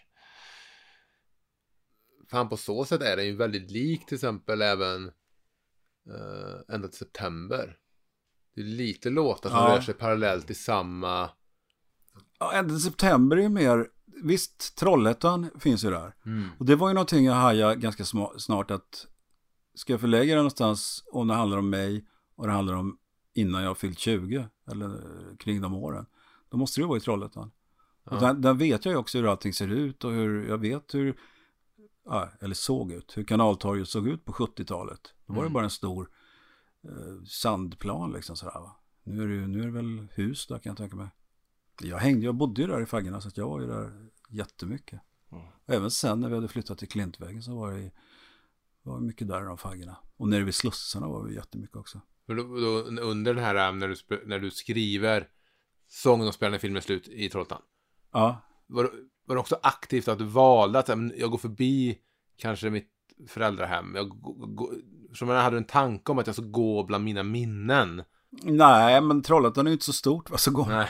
Går man Kungsgatan ner så kommer jag förbi mjölkbutiken och börjar tänka på just fan det där skulle man kunna göra en låt av. Den andra stora Trollhättan-låten på den här skivan är ju Drivved. Ja, på sätt och vis va. Det är liksom i stan där jag är född finns ett torg och en kiosk, mm. Kullerstens kaka och Älvens förstås. Ja. Det kan ju vara vilken småstad som helst egentligen. Det är ju inget som är direkt, eh, ja älven. Men det tycker ju du i Kalix att du har för Det har ju sagt eh, att, Vi har ju också älv. ja, det har ju sagt att, att jag, jag har en bild av att norrlänningar blir väldigt emotionella av Drivved. Ja. Eftersom det där med, med älvens ständiga närvaro. Men det är där också med att eh, älven är ett mycket bättre ord. Jag menar, the river och allt det här va. Eh, Plura nerför floden. Men flod, har vi några floder i Sverige? Niskan äter den, viskan lagan och sådär va. Fan det är ju små åar jämfört med en riktig flod sådär va. Det är ju inte Mississippi direkt. Det vet, det vet jag att Mikael, eh, Mikael Niemi skrev om. Att, att, och som jag själv känner igen, att när vi gick liksom... Ja det säger Monica alltid. Fick, Ja. Vi fick lära oss det där jävla ni- niska. När vi första gången vi och åkte i Sverige en gång, eller någon gång precis när vi fått barn och så här. Alltså, nu åker vi över Viskan. Det här! Jämfört med Luleå älv är det väl liksom rännil så här liksom. Har man stått där bredvid de här brusande älvarna Ja, liksom, visst, visst. Då, då, bör, då står man ju liksom och tänker på livet och döden, du vet redan som Det gör du inte femåring. fort- vid Viskan. Nej. då tänkte du på att du kunde simma över. Och hon fick lära sig så här olika äppelträdsorter och så här. Alltså, det finns ju fan inget ovanför trädgränsen när de bodde var det så här. Okej, så du ser det inte som en Trollhättan-låt, utan du ser det som... Nej, den är ju så här. Det är å- återigen samma låt. Man skriver samma, jag har skrivit Mm. samma låt flera gånger om. Och den är ju så här ryggsäckslåten. Uh, när bryter vi kedjan? Mm. Ungefär va. Eh, arvet från far till son till barn och så vidare va. Och den är ju liksom i två perspektiv, min son och jag. Mm. Och det är just det ämnet jag tyckte var väldigt intressant. Och det är någonting du alluderar också till i båten över. Mm. Ehm, det här med att, att eh, känna igen drag från sig själva. Eh, Alltså, som du säger, känna igen drag från sina föräldrar och sina Mm. barn och liksom relatera till det där. Och speciellt när man får barn tror jag, i alla fall när jag fick barn, så Mm. blir det väldigt tydligt där att jag känner igen saker jag säger, saker jag gör gentemot mina barn från mina föräldrar. Mm. Och känner shit, jag, sån där skulle jag inte bli. Och så blev man det ändå sådär va. Kan ha man- väl på dig mössan nu Tonår när du går ut så du inte förkyler dig. Ja. Har du långkalsonger? Mm. Men finns det också sådana här drag där du kan, du vet saker som du, du stör dig på som dina föräldrar sa som du känner så att fan det var bra att de sa det, det var bra att de gav det här rådet. Ja, så, nej. Nej. Ja, alltså min pappa sa ju aldrig speciellt mycket. Han var ju väldigt, väldigt tystlåten. Mm. Men som sagt, ta aldrig lån, spela aldrig om pengar. Mm. Det tycker jag väl. Alltså det har ju bankat in i mina ungar. Skulle ju mycket till för att någon av dem tar ett sms-lån till exempel. Det skulle aldrig hända. Det här med att eh, din pappa sa inte så mycket och det, det är så känt det här att när han väl sa att han brusade upp lite när han väl låg Ja, på sin dödsbädd och det här. det minns jag så tydligt. Jag minns exakt var jag stod någonstans i hallen på Klintvägen. Och så en konstig hall, det var liksom rum där, rum där, rum där. Så var det som en viss oktagonal i den där hallen. Och sen hall ut till eh, farstun. Ja, men det minns jag. Han tog sig upp och sa, jag ska bli popstjärna, du ska få se. Ja, det får du svårt. Han var ju aldrig någon som gick emot mig på något vis, så där viset. Han var ju alltid... Han röt aldrig åt mig någonsin. Men även om man inte pratar så mycket alltså, kände du ändå nära honom som alltså, pappas son? Ja, det gjorde jag nog faktiskt. Det gjorde jag, fast han inte sa så mycket eller någonsin visade på det viset. Han lyssnade aldrig på någon av mina... Jag höll ju på att spela in låtar hela tiden i mitt rum. Och, Ja. Kom och lyssna! Det var ingen som var intresserad av att lyssna vad jag hade hittat på för låtar. Men när mina ungar gör så här, åh, fan vad bra, var kom du på det där ifrån? Man visar intressen och så. Ja, ja. Det var inget intresse överhuvudtaget där. Men han, han, jag kände mig nära honom. Det var väl det där också med... För jag har ju hela livet, inte nu, men känt det där, någon sorts outtalat krav att leva upp till någonting han ville jag skulle göra och så vidare. Och när han dog så, så försvann lite av det där.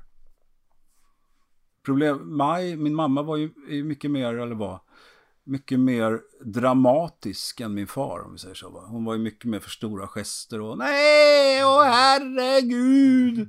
Sådär va. Min pappa kunde som mest bara oj, oj, oj, oj, så, så, så, oj, oj, oj, så, så, Peter, Peter, ja.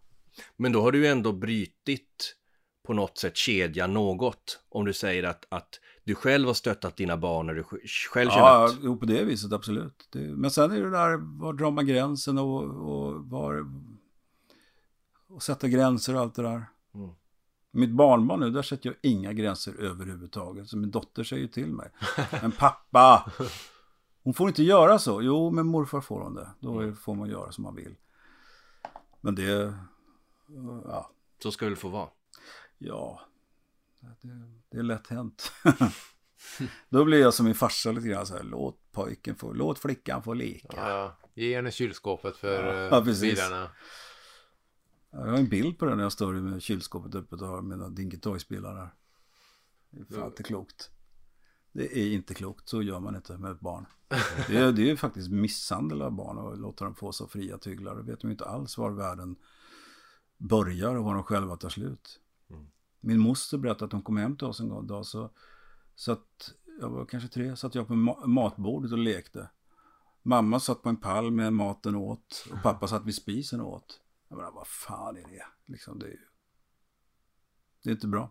Jag tror att de hade pratat innan, kommit överens om så här, vi ska ha en fri uppfostran. Nej. Eller blev nej, det bara det så? blev så. Mm. Det blev så. De var, ja, de var som de vart. Mm. Men det blev som det blev och så vidare utan det och så allt det där.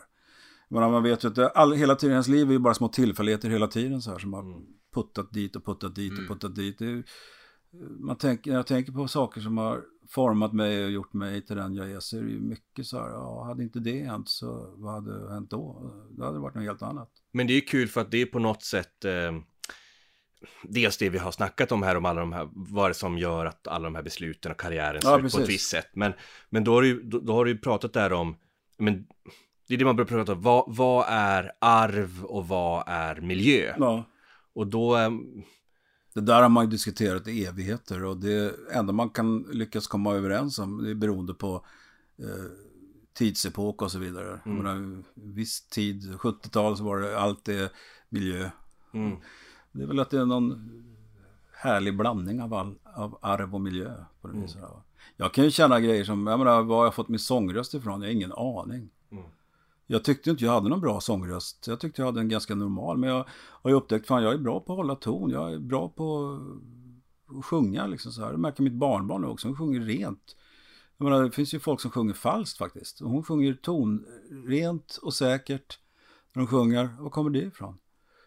Min farsa kunde inte hålla en ton för sitt liv. Va? Han kunde inte, han sjöng ju aldrig. Och när han, försökte någon gång så... Det var ju helt åt helvete. Han var ju tondöv alltså. Min morsa sjöng lite grann sådär. Men jag var ju så lycklig när min moster Solveig gav mig en bok när hon levde. Eh, vad kan det vara? Högst tio år sedan. Eh, om livet på Gamla Dal, alltså Dalsland. Där Mm. min morsas föräldrar kommer ifrån. Och så var den, den där bilden där som fanns i boken också med min morfar som jag aldrig fick träffa för han dog innan jag föddes. I Halmhatt och han var sångare i, i familjens orkester. Dragspel och sång. Så då liksom när jag såg honom där, han var ganska lik mig också. Och hatt. Mm. Den där, shit. Två frågor om Evelina. Ja, Den- det- Sorry, de kommer här nu. Ja, ja, ja. Men det här är liksom, du vet, vi har kidnappat dig här nu för att ja, ja, ställa mig. Eh, den första är väldigt allmän och den andra väldigt specifik. Ja, ja, shoot. Är Evelina en fiktiv novell? Delvis. Alltså det är inte så enkelt som att allting är så här. Så händer det och så händer det inte och, och så vidare. Utan Allting är liksom, utgår ifrån någonting. Och sen kan man som låtskrivare lägga till och hitta på och bygga på. Eller så gör man inte det. det är, I en låt kan det ju vara liksom eh, väldigt mycket både och. Och det är, alltså, det är både och. Mm. Lite av det man upplevde och lite tankar och drömmar och sådär. För att där är ju...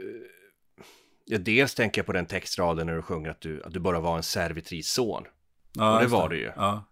Sen finns det ju något, något, ehm, något tema i den låten, när du pratar om det här med drömmar och sådär. Ja. Och något som man har kanske hört i andra låtar, så att det, det känns ju som att den på något sätt handlar om något så här, the one that got away. Både ja och nej. Mm. Alltså det, det, det är flera olika saker kan ingå i en låt liksom så. Mm. Till och med i en, en vers kan det vara det. Det här är någonting som jag verkligen upplevde. Det här är någonting jag la till. Mm. Så det går inte, då får man bena ut rad för rad liksom så här. Och då blir det jävligt tråkigt. För så här, fan. Men då, men då ska jag ändå tvinga, nej men, eh, jag kollar i din textperm, Ja, och en sak som jag tycker är, int- jag vet inte vad det här har för värde överhuvudtaget, Nej. men sånt här tycker jag är superintressant. Då ser jag att då har du skrivit den här textraden, vi kunde bott nära himlen. ja, Och då står det i din textperm en alternativ rad Ja. som var, vi kunde levt i Italien.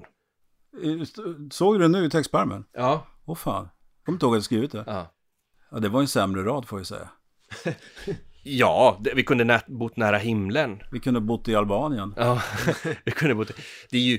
Det, eh, jag förstår att det är nyansskillnader. Men jag tycker det där är intressant när du har skrivit låtar, hur du sitter och väger olika textrader mot visst. varandra. Ja, absolut. Och det, är- det är ett sätt också att ha ryggen fri lite grann för mig när jag skriver en låt. Att jag inte kan bestämma mig. Jag vill ha låten klar. Mm. Men jag kan inte bestämma mig för ifall den raden är bättre än den raden. Då sätter jag snedstreck och har alla möjliga alternativ. Så kan jag välja. Och i värsta fall har det varit så att jag har tvingats välja när jag står vid sångmicken och vi ska spela in låten. Mm. Och då har det blivit, ah, okej, jag- det som kändes göttast i munnen att sjunga tog jag.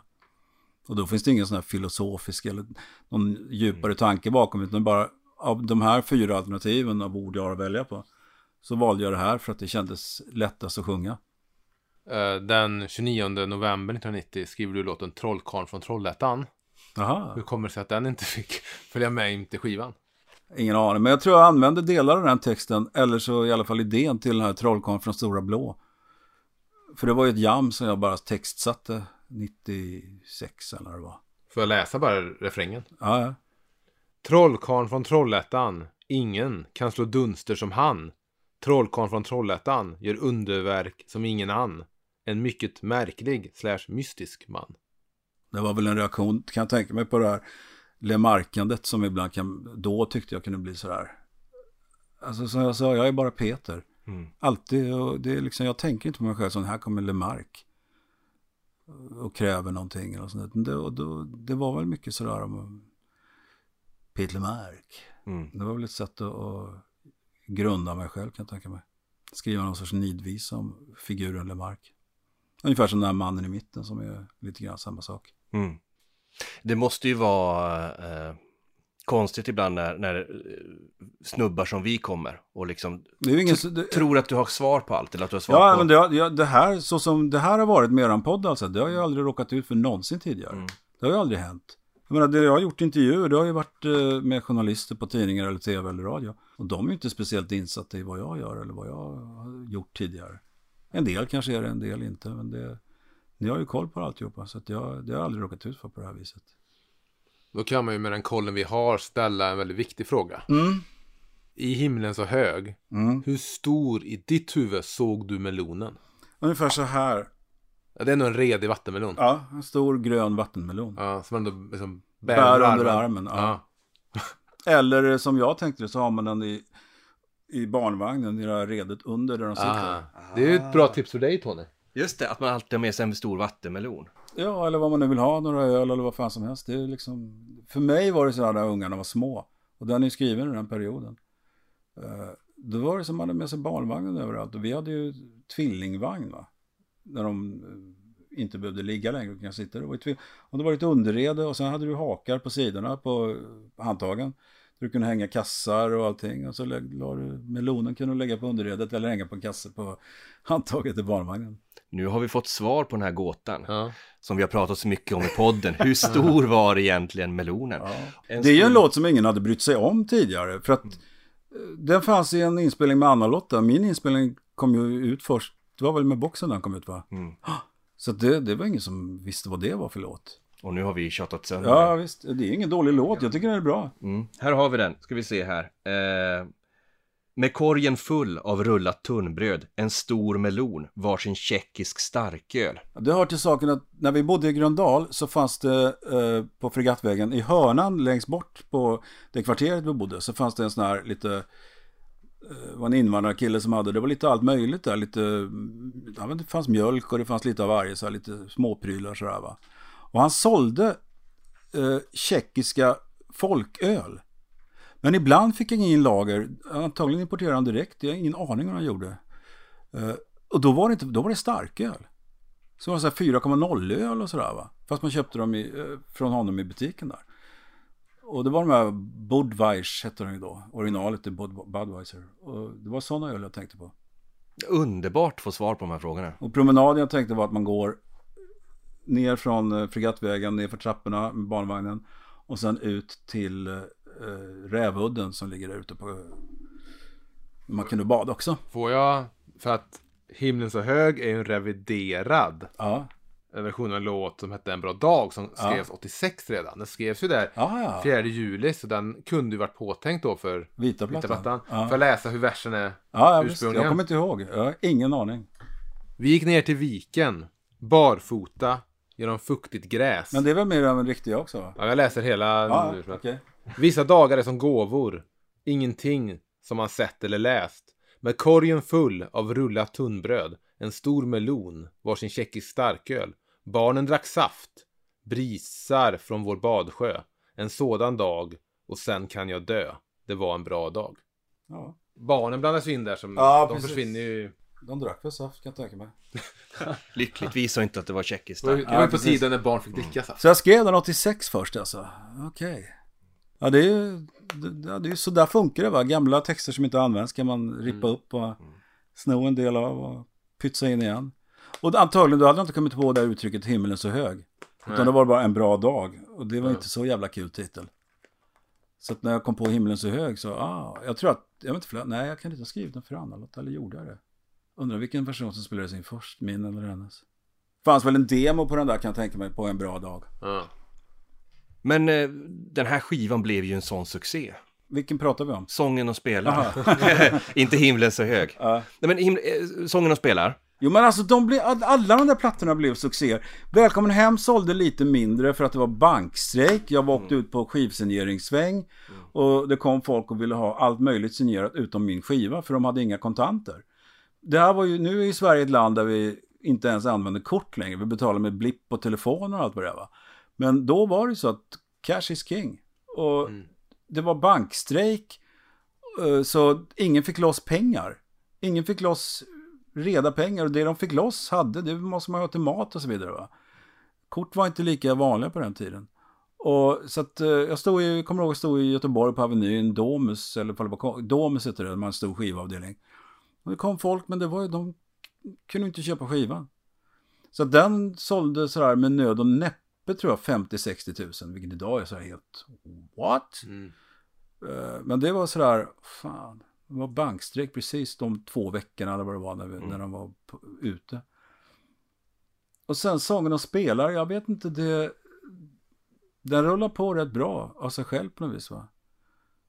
Det var inte vad den kom upp i 100 000 eller sån här. Men om man tänker på liksom hur eh, Låt oss spara diskussionerna om, om, eh, om själva den turnén då men Ja, det var ingen turné på Sången och spelar. Nej men jag menar sen, sen när du eh, Sen 93 då sen Ja, när du skulle komma Det var ju några år senare Då blev ju storleken på konsertlokalerna mycket större Inte hela tiden. Det var inte så Det var Nej. inte en märkbar skillnad för dig när du liksom Jo, alltså det var ju mycket fler cirkus och konserthuset lokaler. Mm. Eh, tack och lov. Eh, men det var, fanns ju fortfarande kvar en del sådana här klubbar. Och det var lite mexigt och bexigt med det där. För att vi hade ju en hyfsat stor produktion 93. Det var ju Mats Asplén som han hette då, Mats Schubert idag. Han spelade inte bara Hammondorgel, han spelade kongas, han spelade lapsteel. Och jag vet de där kongasarna kunde vi inte ta in på vissa ställen för att det var för litet. Mm. Varberg var det så här, kommer inte ihåg stället hette, Storleden där. Eh, och då fick man skippa det, skippa den låten som hade kongas. Och sådär, va? Så det var, det var fortfarande lite sådär, tror vi på det här verkligen? Ja, vet inte.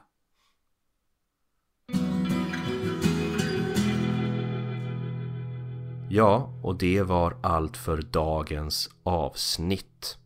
Tack till alla er som har lyssnat. Nästa vecka så fortsätter vi med del 3 i den här intervjuserien och tar vid där vi slutade idag.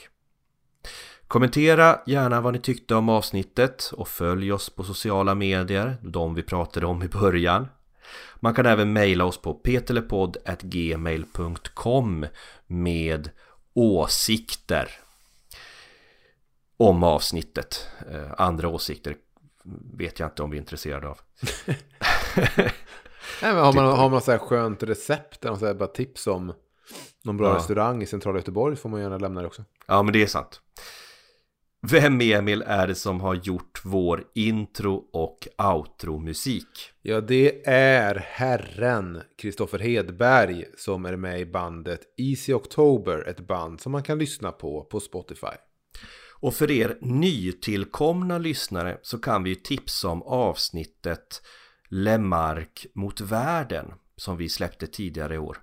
Och där så är den nyss nämnde Kristoffer Hedberg med och har spelat in en engelsk översättning av Peters låt Ända till september. Eh, vill ni höra den så lyssna på det avsnittet. Ja, Emil. Vad, vad känner du? Jag tycker att vi kan påminna bara igen om att vi kommer ha en tävling om några dagar. Mm.